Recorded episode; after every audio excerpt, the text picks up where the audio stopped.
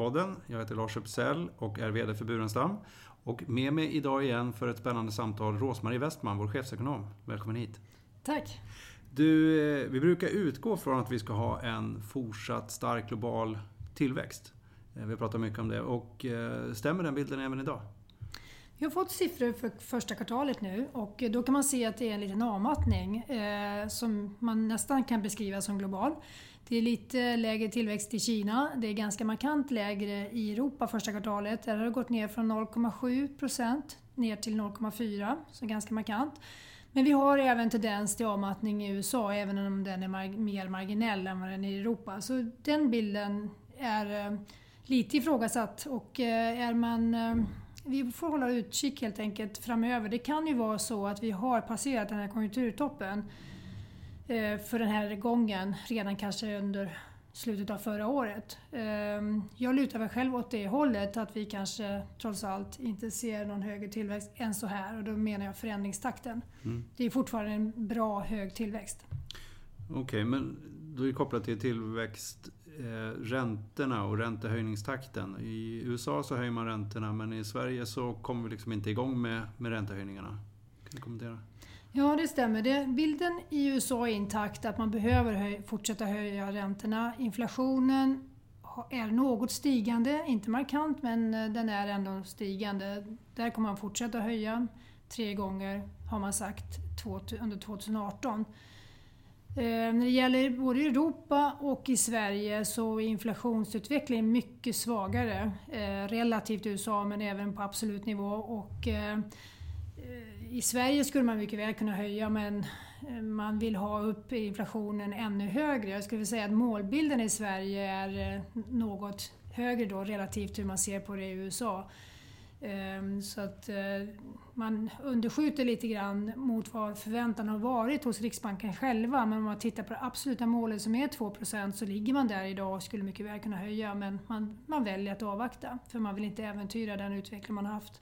Och i Europa då är det tydligt svagare relativt det här målet på 2 Just det, men inflation och prisökningar. Så någonting som har ökat i pris den sista månaden så är det oljan. Har du någon teori om vad som har vad har hänt där?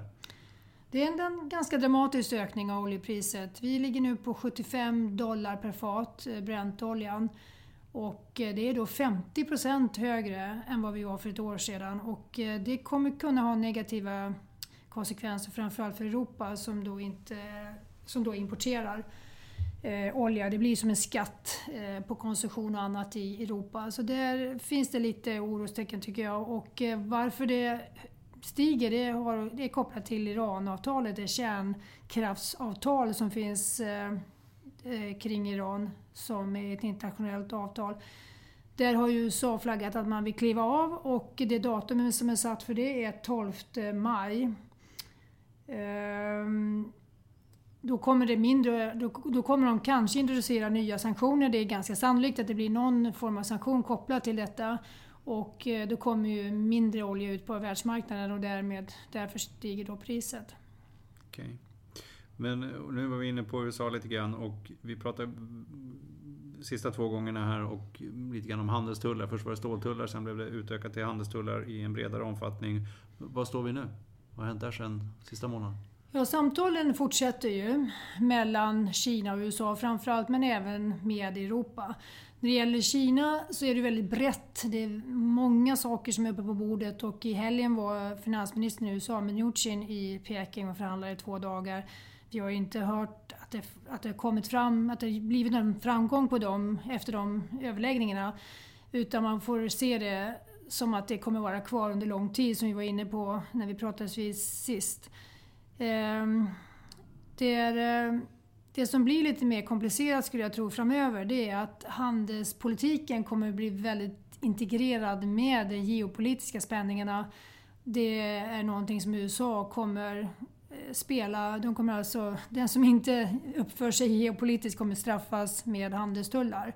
Så han håller helt enkelt alla länder på halster, halster och om Kina inte nu uppför sig som de ska i kring den här Nordkorea-toppmötet. Eh, om det skulle antingen hindra eller sätta press på Nordkorea på något felaktigt sätt så kan man nog förvänta sig att det kommer ge utslag då på handelspolitiken. Det är ett väldigt komplicerat läge och inte alls vad vi är vana vid. Så den här världsordningen som har varit och fungerat väldigt bra, den, den är ju nu uppe för väldigt stora förändringar.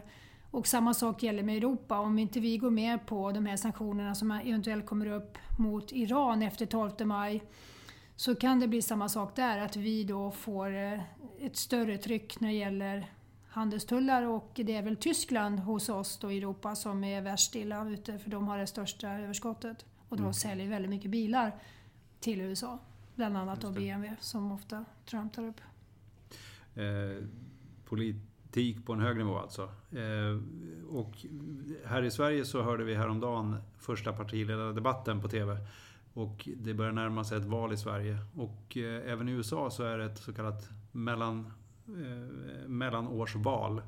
Vad, kan du kommentera någonting om det här? Finns det några risker med, med de här valen eller möjligheter?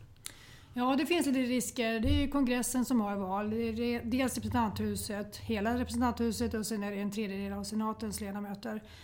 Eh, det finns prognoser som talar för att Demokraterna tar tillbaka representanthuset, eh, så då tappar de sin majoritet av Republikanerna. Det är inte ovanligt att det sker i mellanårsvalen när man har en sittande majoritet, att de förlorar den majoriteten i de här mellanårsvalen. Eh, så, så kan man säga att det är lite standard, standardutveckling, standard procedure.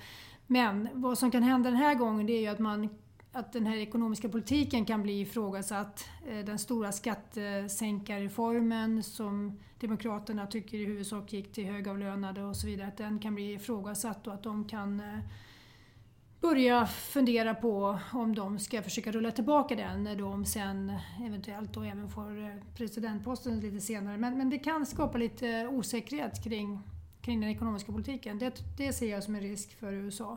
Mm. Och vi har ju en annan aspekt och det är ju även det här budgetunderskottet som Republikanerna normalt bryr sig om men som de inte bryr sig om just nu när de själva har makten. Det kan, även den frågan kan ju komma upp och ge vissa ge ökad osäkerhet hur man ska hantera det. Okay. Och när det gäller Sverige då, om vi ska gå dit, så är vi vana vid svaga regeringar under längre tid nu. Vi hade ju en minoritetsregering under Reinfeldts sista år och vi har ju en, en uh, sittande minoritetsregering för tillfället, och Löfven. Um, jag vet, alltså oron i marknaden kring hur, den, hur det kommer att utvecklas, jag tror jag är väldigt, väldigt liten just nu.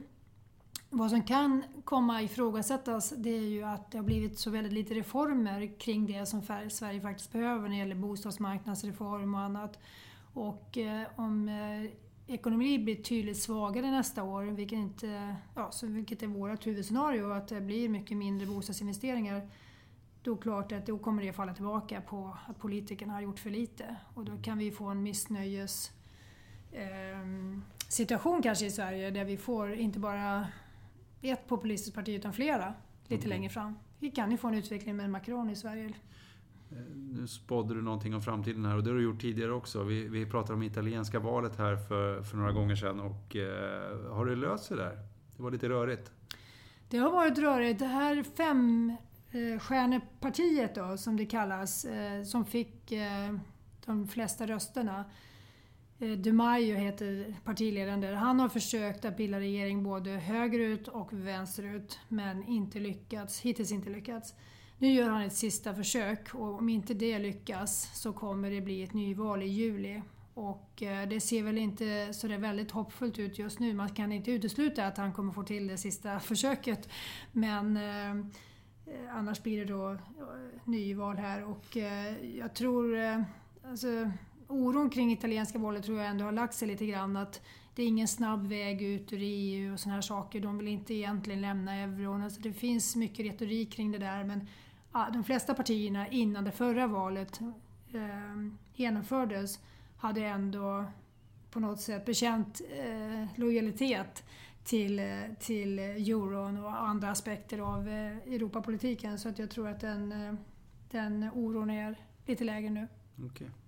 Men du, om vi ska koka ner det här till någonting eh, när det gäller våra portföljer och det vi har lyssnat på. Vad, vad säger du då?